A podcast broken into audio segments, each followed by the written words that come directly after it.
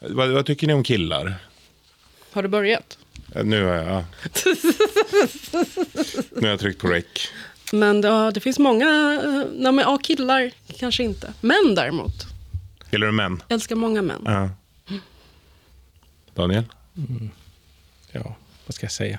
Det är, det, det är bra. Det är bra för mig. Can't live with them, can't live without them. Nej, jag vet inte. Jag har passerat. Jag har passerat det var ett stadie i mitt liv där jag var väldigt intresserad. Men Av killar. ja, Ja, killar. Lite i största allmänhet. och nu har jag liksom gått vidare. Alltså jag tycker väl kanske att det är det största problemet med många killar. Att de är mycket mer intresserade av varandra än något annat. Faktiskt. Men, men, men, men, men var det som Loa Falkman i uh, något Oscar? Eller, Nej, men med, ja, jag vet inte. Eller, eller det är, liksom, är, det, är det en del av din identitet idag? Eh, nej, men jag tänker mer liksom som ett, i homosociala sammanhang. Eh, mer än liksom homosexuella sammanhang. Ja, ja, ja. Fre- lite mer Filip och Fredrik än pensionat Oscar. Alltså. Precis, Eller Filip och Fredrik på pensionat Oscar kanske. så var det. Så var det för mig. Nej, men, eh, och jag, eh, jag tycker att det är liksom, de, de sämsta relationerna jag har haft är med män, killar. Och de Och, bästa. och, och de bästa. It was the worst of killar. It was the best of Jag upplever också att, att, att man ibland så här kan ha äh, äh, män emellan väldigt passionerade vänskaper som slutar i fullständig katastrof. Absolut. Alltså en väldigt intensiv, väldigt nära vänskap som pågår i två månader ungefär. Och sen kommer snedtändningen. Ja, oftast är det ju... Det är ju ofta kokain. Ja, det är ladd, till exempel. Den enda relationen som jag liksom aktivt terminerat var med en eh, vän som jag betraktade som god fram tills jag, jag drog i gränsen. Fram tills en Nu låg i ett dike och den andra inte ställde upp. Nej, det var mycket mörkare. Uff, okej. Nu kör vi igång. Ja.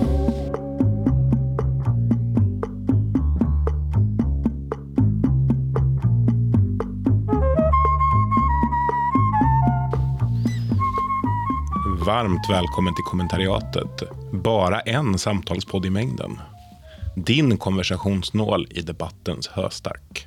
Och äntligen står prästen i pekoralets predikstol. Lotta, du är tillbaka i podden. Jawohl. Tillsammans med Daniel. Tre i rad, Svedin. Ett mirakel. Hur smutsig är bilen nu, Daniel? Ja, Det har snöat och regnat så att den, den liksom natursköljs kan man säga. Men det är snart behöver jag åka. Och Lotta, du har varit på spa. Jajamän, ser du hur ren jag är? Ja, det är två veckor Och nu. avslappnad, som en säl. Ser väldigt nytvättad ut. Tack, tack. Entreprenörstillvaron. Jajamän. Ingen jävla 9-5-tillvaro här inte. Jo, men det fina med entreprenörstillvaron är att man kan göra den precis vart som helst. Jag kan liksom sitta. I morse satt jag i frukostbuffé, skrev manus till den här podden i Grisslehamn. Nybadad, underbar. Ja, det är så man ska leva livet. Drack lite hälsosmoothie. Och tänkte på Jamal El-Haj. Det är det här Jonah J. Jameson säger till Peter Parker. I'd like a job, sir. No jobs. Freelance. Best thing in the world for a kid your age. You bring me some more shots of that newspaper selling clown, maybe I'll take him off your hands. But I never said you have a job. Meat. I'll send you a nice box of Christmas meat. Best I can do. Get out of here. Bring me more photos. Martin Melin, den olyckan. Han har ställt till det igen. Alla som bär Gucci-kopior-kepsar är inte gängkriminella, men många gängkriminella bär Gucci-kopior-kepsar. Det handlar om regeringsförslaget om säkerhetszoner där polis Hur känner ni inför Martin Melins lilla inspelare? Ja, men det är ju, jag tycker det är rätt fascinerande att just han klantar runt med det här. För lyssnar man på lite mera, alltså andra poliser som finns i offentligheten, till exempel polisfacket och så vidare, så är de lite mer så här, vi behöver liksom inte att någon berättar för oss vilka kläder vi ska titta efter, utan vi vet av liksom erfarenhet vilka som är skummisar. Det ser en bra polis. Eh, och att då en polis, vilket ju Martin Melin är från början, är den som försöker vara pedagogisk med journalisterna och berättar att Inte alla Gucci-kepsar. precis.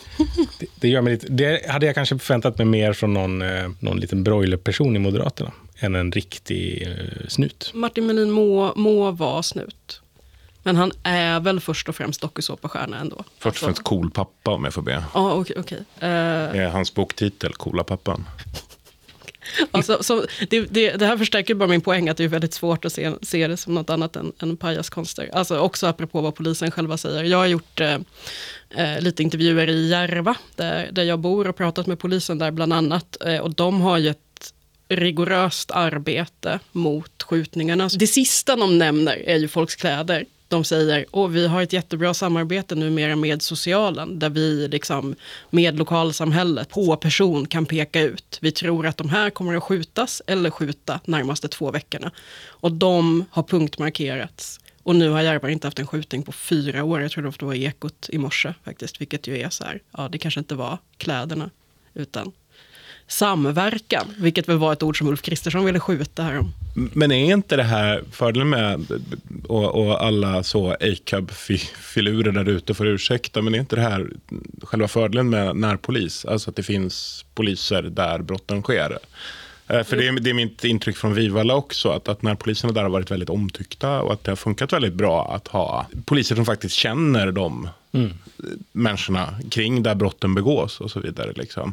Att det verkar ju vara en av få, för då kommer också närheten till socialen och närheten till, alltså att man känner de här människorna. Ja, exakt. Få saker har varit lika, lika liksom destruktiva för brottsutvecklingen, vilket alltså är positivt för brottsutvecklingen i, i Järva som att eh, polisen faktiskt byggde ett polishus i Rinkeby. Men eh, vem av oss tre är det som blir tagen först av Martin Melin? Då? Ja, det fan inte jag.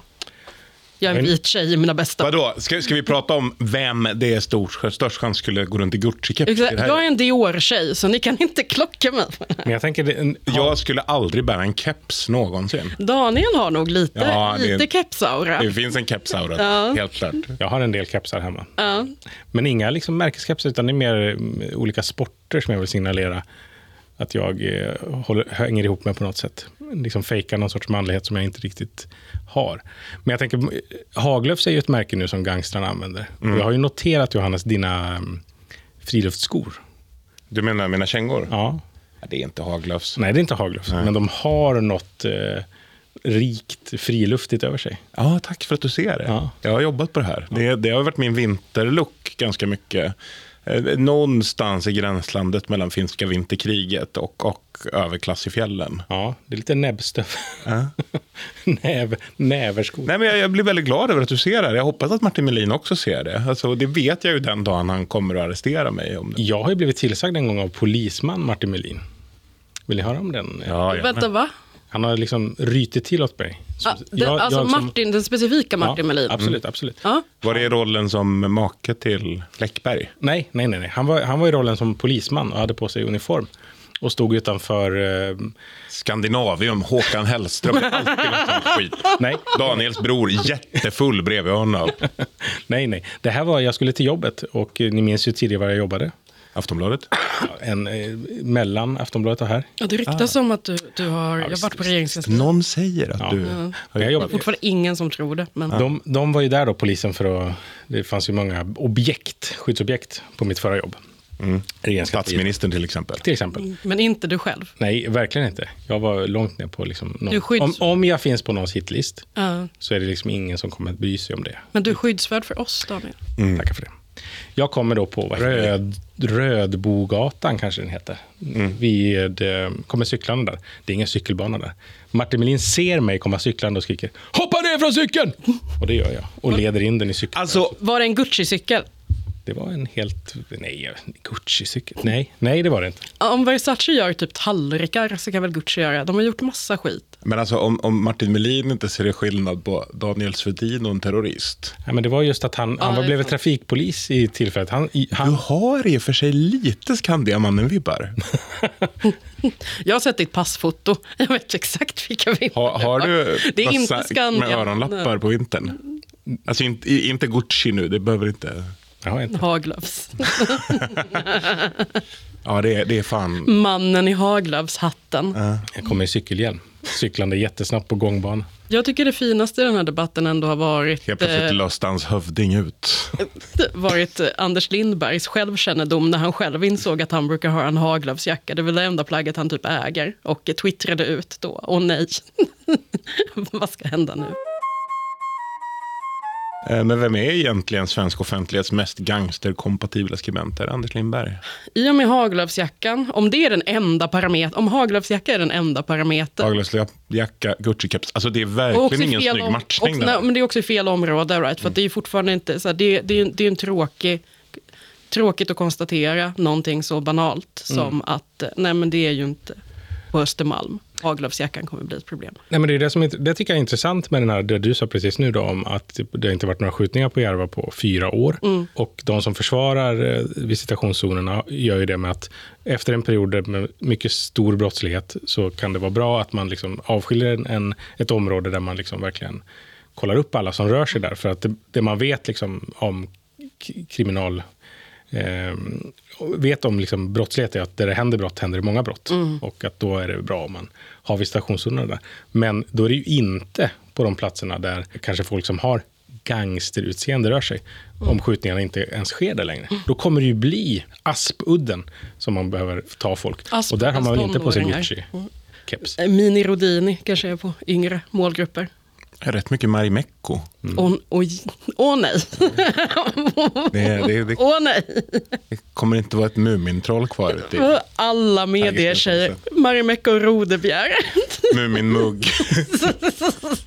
Aldrig sett någon mer gangsterkodad. Men jag tyckte det var roligt. Jag upptäckte att Cyril Hellman, känner ni till Cyril Hellman? Ofrivilligt. Vakt, ja. Ja, men han, han har i alla fall uttalat sig om det här. Han gjorde en fantastisk intervju om huliganism i P1 Morgon. Men om vi håller oss till firmorna, vilka är det som ens ingår i en firma? Det, det, alltså firmorna, när, jag gjorde, ju, när jag gjorde äh, boken Vad som än står, som ett filmmanus från början som hette För evigt trogen, som fanns en pilot på, men som jag tog bort då för att producenterna var äh, oseriösa. Men som sen Bonnier släppte då som seriealbum och nu en ny utgåva med ett reportage jag gjorde sen också. Som, den är ju påhittad, liksom, även om den grundar sig på fakta. Sen reportaget, det största derbyt, är ju helt sant. Då, och det blir som en Scorsese-film. För jag, jag, jag växte själv upp i innerstans skola, Matteus. Där Men om vi kommer till firmorna, vilka som ingår där, om du skulle närma dig det? Men nu har han i alla fall skrivit om det här med Gucci-kepsarna då. Och, och, och det här är liksom det som när han pratar, man upplever att det finns, hur ska jag säga det snällt, en syntetisk fart i tankeverksamheten. Förklara. För, nej, jag tänker inte förklara det så. Ut, utan det här, här får alla dra sina egna slutsatser. Eh, För nu ska jag läsa upp vad han skriver då. Skinnheads i D.R. Martins kängor, Fred Perry och Alpha Industries bombarjackor har sedan de runt 80-talet gick över till att bli främlingsfientliga och våldsamma fått finna sig i att visiteras av poliser. Likaså den subkultur jag själv ingick i på 80-talet, så kallad kicker i träningsoverall, långärmade Lacoste, Petrovs skinnjackor, Levis 501 med kil av TX bandana, Ekoskor, i likhet med poliser, fick finna sig detsamma.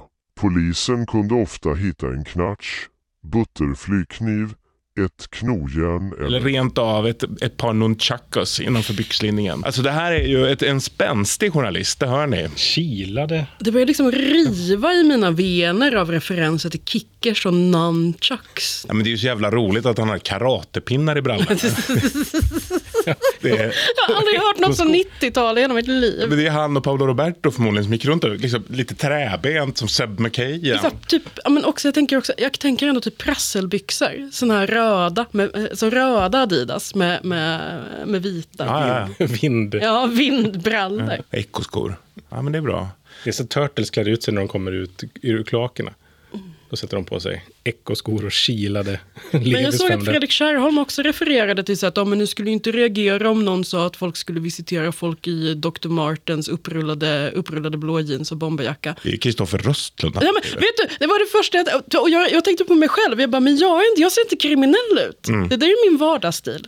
Ja, det- Bomberjacka brukar du, jag inte ha. du har lite, alltså så här, om någon skulle vara Sharpskins tjej, alternativt att skippa Sharp, alltså det, där, det, det finns ju en regel när det kommer till skinheads, det är ju Mm. det att om de inte uttryckligen varje dag säger jag hatar nazismen, så är de förmodligen nazister. Jag säger faktiskt inte det varje dag.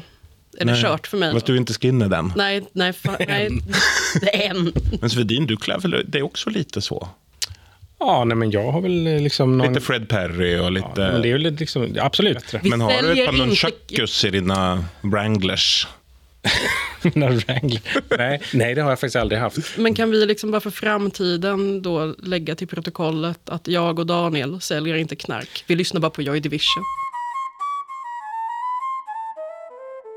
Eh, Jamal El-Haj har, har lämnat eh, Socialdemokraterna, men inte sin plats i riksdagen. Vet ni vad det betyder? Nej. Att vi kan börja kalla honom för Vildhajen. Är det ens ett begrepp? Jag vill, alltså, I'm trying to make fetch happen. Det är Vildhajen. Snälla. Men, alltså, men hur Alltså finns det tamhajar? Jag är inte biolog, men det, mitt resonemang förutsätter att det gör Om vi det. ska kalla honom för Vildhajen så kräver det att vi reder ut hur man egentligen uttalar hans namn. Är det El-Haj, El-Haj eller El-Haj? Arabiska lyssnare får gärna mejla in så läser vi upp rätt svar. Precis, men jag tror att den svenska, sve- den svenska rasistiska behandlingen av honom har väl någonstans konstaterat att nu, nu är det El Haj. Ja, ja, alltså, arabhatande moderater har ju jobbat mycket med hajen i flera månader. Åh fan, jag vill, inte, jag vill inte ge dem Vildhajen, men jag måste nästan. Jag, tycker jag, jag tycker att Ja, det är har... bara de som kommer plocka upp det. Helvete. Ingen sosse kommer Men- ta i honom med tång. Men hur tycker ni att Socialdemokraterna har hanterat det? För det här är ju någonting som har pågått i ett halvår, som Liksom till slut... Vad, vad, vad, vad var det som fick det att rinna över? Nej, men det, ska man tro Magdalena Andersson så är ju det som har fått det att rinna över är väl den här händelsen som ska ha hänt 2017. Där han ska ha försökt lägga sig i ett myndighetsbeslut. Alltså att en, en man som beskrivs som en konservativ imam eh, ska få stanna kvar i Sverige och han har lagt in eh, haft åsikter om det, ringt upp myndigheten och haft åsikter. På vilket sätt? Jag, jag hann faktiskt inte läsa in mig på det, men liksom vad, och jag såg att Paulina Neuding, konservativ, reagerade väldigt starkt på att den här imamen kallades också konservativ. Som konservativ har jag en ordningsfråga om användningen av ordet konservativ här. På vilket sätt vet man det? Bara konservativ imam. Får jag googla så kan jag Ja, vi får googla. detalj. Nej, men det, det, det, jag har också bara läst konservativa imam, så jag, jag fattar ju om Paulina Neuding tycker att det här är provocerande. För att i hennes värld betyder ju konservativ att man inte gillar imamer. Så att det går ju inte ihop alls. Det blir ju total kortslutning. För det, det är ju liksom grundförutsättningen för svensk nykonservatism. handlar ju om att, att du avskyr andra konservativa. Jag förstår Paulina Neuding här, att hon känner sig trängd. När man sl- så slängigt drar sig med konservativ imam utan att definiera ordentligt. Det är då Expressen som har skrivit om det här. Eh, om Det var deras här- ledarsida va? Precis, deras Ja. ledarsida, gästskribenten Sofie Lövenmark. Den här imamen har ändrat det religiösa budskapet på ett positivt sätt genom att avsluta sina predikningar med att be om välstånd för Sverige. Nej, det är El Hadj som har sagt det. Ja, exakt. Det var hans förklaring. Ja, men han, han är väl verksam i en moské som är betald av Qatar. Eh, Och Qatar är dåligt med mänskliga rättigheter, kopplingar till... Det kommer bli fler sådana moskéer i Sverige nu när man har avskaffat precis alla bidrag till etniska föreningar. Ja, exakt. Nej, men att han är, han är, han är polare då med, med Qatar. Okej. Eh, Och eh, han har hyllat eh, Muslimska brödraskapet och rörelsens andlige ledare. Det känns som att vi är inne i ändå ganska mycket by proxy. Eller? Ja, nej, men det, det är väl klart, det är såklart olämpligt att eh, en riksdagsledamot agerar i, eh, griper in i, riks, i eh, Ja, ja, ja. myndighetsbeslut. Nej, men det, är väl, det, det, är väl, det är väl det S tycker är ett större problem Precis. än, än, än vem han, än en konservativ imam. Jag- Säger de. Ja, Problemet för S är väl att skiten bara aldrig tar slut. Exakt. Ja. Alltså det, det, är väl, det är väl det. Att, Nej, att, att man- det här, att de har insett någonstans, precis som med Håkan Juholt och med en massa andra figurer, att det här kommer inte ta slut. Det kommer bara fortsätta. Absolut. Men vad är det, man har suttit i sex månader och följt opinionsmätningar, hoppats på att det här ska dö och sen så gör det inte det. Nej, för det tänkte jag också på, förhållningen till liksom, Palestina har förändrats så mycket. Att, att den hade nog nästan suttit ut. Och så kom det här precis då. Och, då men- kände nog, och det kan jag fatta, att man kände nere i Skåne, nu orkar vi fan inte mer.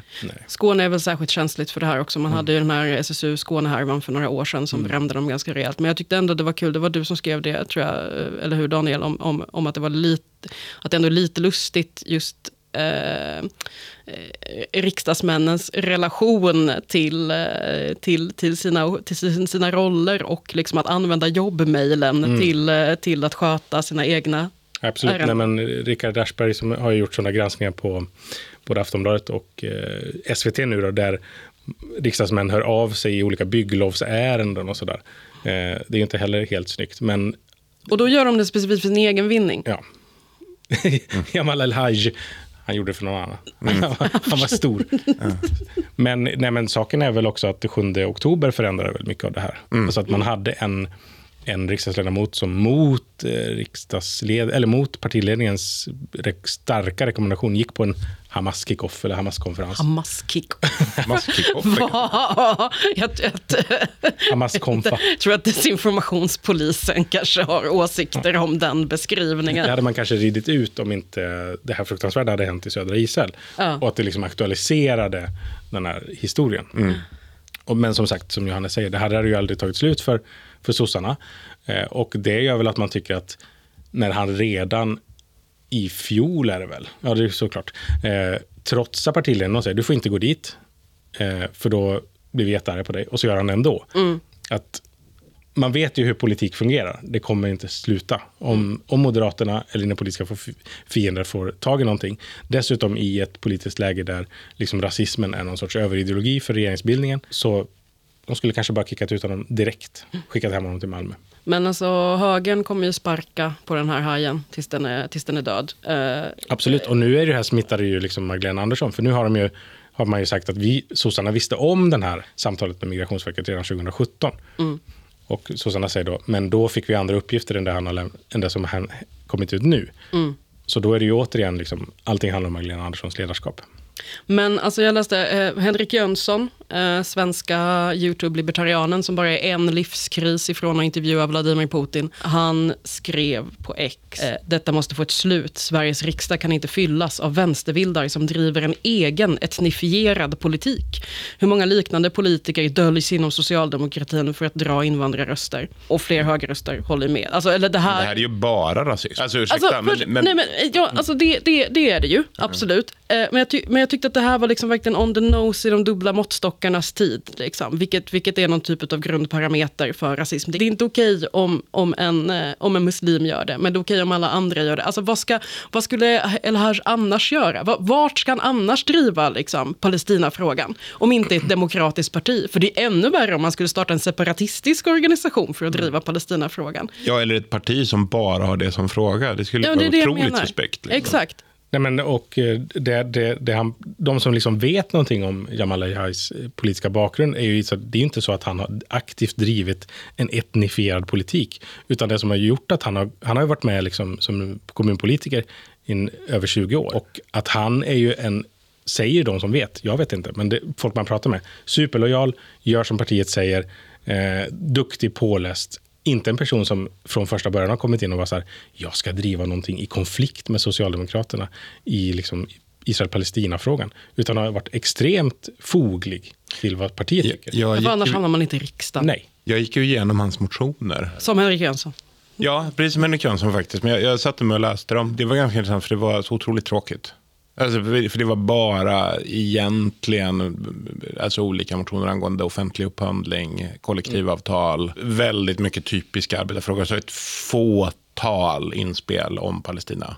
Men i, varje sånt också så här att han förespråkar tvåstatslösning. Liksom. Alltså så här, så det är väldigt långt från en Hamas-fråga. Så här funkar det ju när ett brev uppstår också. Det, är så här, det finns saker i det här som är jättedåliga på många sätt. Man ska inte höra av sig till en myndighet och liksom försöka ut, trycka på i ett migrationsärende på det sättet såklart. Liksom i sin Ja, roll inte om man är riksdagsledamot. inte om man är Eller riksdagsledamot, minister. exakt. Å andra sidan, det är också ett drev och det här är drevets mekanismer. Och förr eller senare, som, alltså, och det, det är väl det som jag känner någonstans också är lite så här. Var du tvungen att bli politisk vild, din jävla idiot? Alltså, jag, jag- måste ändå säga det, här, avgå bara. Liksom, var inte en belastning på det här sättet. Jag tycker inte det är kul. nå- alltså, och det är lite roligt när det är Sverigedemokraterna. För att de är så jävla många.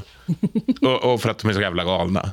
Men, men i det här fallet så är det bara tjurig. Alltså så här, jag, förstår att det här är superkränkande och att det här har varit ett skitjobbigt halvår för honom. Liksom.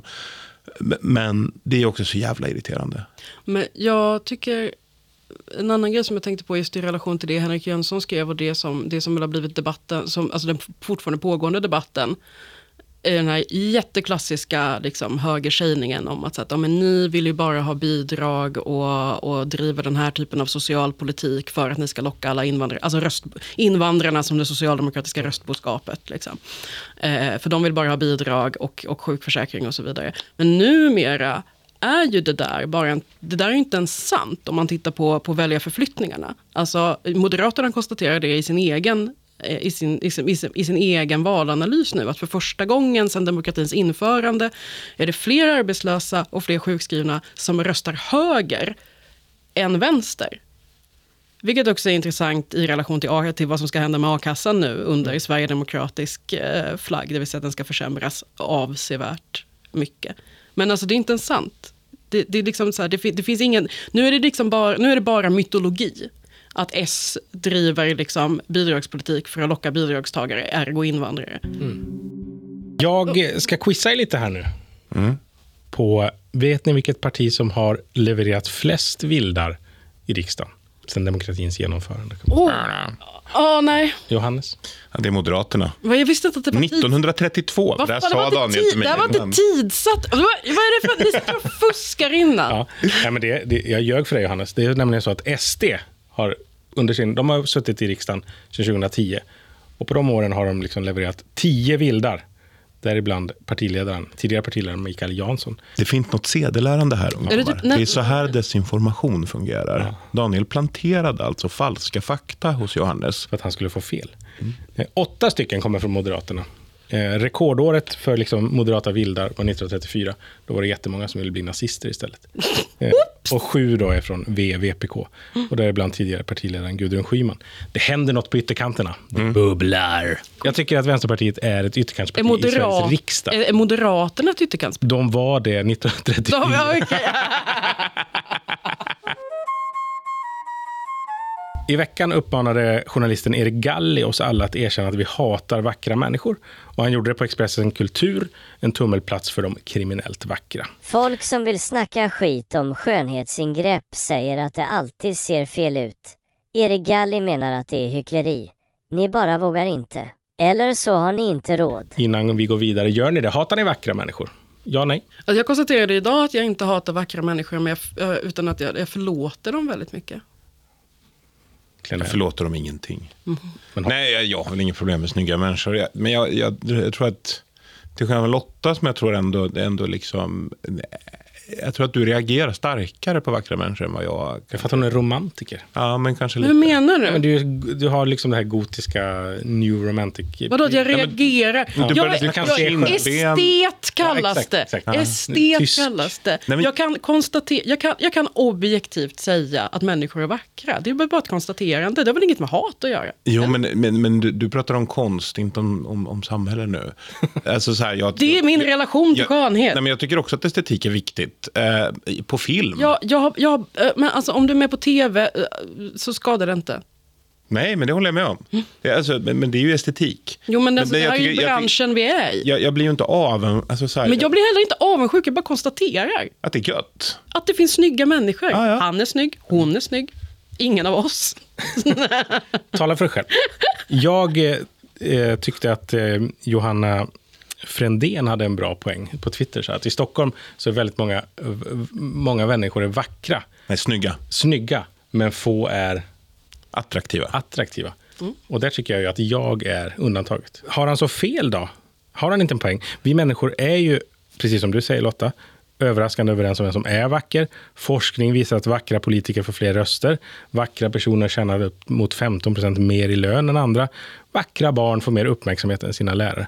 Och sånt där hatar ni väl? Men, Fula var, men jag tror att det, det, det, som, det som väl var, var knäckfrågan var väl inte, inte så himla mycket att, att folk är avis och, och hatar honom, eller som, som folk reagerar på, utan snarare det när han sitter med den här vack, an, vackra mediechefen som har tagit honom under vingarna, som förklarar för honom att du och jag kommer alltid vara tvungna att jobba hårdare än alla andra, eftersom vi är så vackra. Och där säger väl forskningen att kanske inte stämmer, just för att vi förlåter vackra människor väldigt mycket. Men var den där- undan med mer skit. Fast det här har jag fått för mig är, för texten är ju ett klart trollbete. Absolut. Eh, jag har fått för mig att det här är en diskussion som pågår i Gallis kompiskrets. Säkert. För att jag har hört ex, ungefär samma diskussion mellan Anna Olasdotter Hallberg och Moa Wallin i P3-klubben. Men om man menar att det finns ett skönhetsprivilegium, att man får fördelar av ett vackert yttre, så kan jag tala om att det finns en grej som existerar i precis lika hög utsträckning. Och det är avundsjuka. Det är verkligen det. Mm. det. Jag har ju fått se det på nära håll. Ja. Titta på dig. Okay. Där de i princip också pratar om, om liksom, eh, snygghetsprivilegier, men också alltså så här, hur hemskt det är att folk blir så mycket argare på dem för att de är snygga. Eller liknande. Där man sitter och tänker lite så här, kan ju också bara vara att det finns de som behandlar er som de behandlar alla andra människor. Det som att den här personen är så fruktansvärt elak och ohyfsad. Ett jävla troll som står Jag, där. jag är vacker. Hur kan du bli arg på mig? Nej, men det, det, om du inte har den, alltså så här, det, det är liksom, man- man bär ju inte sina egna privilegier som så här, vadå, jag är vit, varför arresterar Martin Melin mig? Så kände jag faktiskt. Jag har inte ens Gucci-kepsen på mig. Jag får ursäkta, vad fan jag... jag? Så, utan, utan då tänker man ju att man har blivit utsatt extra hårt för någonting. Alltså så, utan äh, den tilläggsanalysen tänker jag bara. Eh, Så när Martin Melin kommer och sätter handklovar på dig och ska muddra dig Lotta. Ja, men, ja, det är Vet- Dior, det är Dior, det är Dior Martin. Vet då att det är för att han, inte för att han hatar dig extra mycket för att du är snygg. Utan att det bara är för att han tror att du har begått ett brott. En grej som jag har tänkt på, för jag, jag, jag är liksom stark anhängare av att så här, erotiskt kapital är en grej, det är det, är det. Mm. För att jag har levt i den här världen. Eh, och varit både ful och snygg i den. Men sen så började jag tänka så att okej, men vad, vad gör liksom kvinnor i min omgivning hypade? Och jag har konstaterat att det är inte skönhet. Det är fotbollsintresse. Alla hypade tjejer jag känner till. Det spelar ingen roll hur de ser ut, men gillar de fotboll, då är de älskade av alla. Av alla som är intresserade av fotboll. Och, vilket är typ majoriteten av befolkningen. Alla viktiga män. Exakt, alla mediemän. Alla mediemän. Men, men vad tycker ni om den här argumentationen om att det bara handlar om avundsjuka? Är du avundsjuk på fotbollstjejerna? Nej, jag blir bara trött. Alltså inte på dem, utan trött på mig själv. Att, så att, det var ju nice att gilla fotboll, men jag kommer aldrig orka.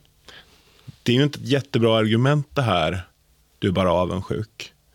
Eh, Jag och Daniel gjorde faktiskt en liten genomgång av när vi har fått motargumentet du är bara avundsjuk på Twitter.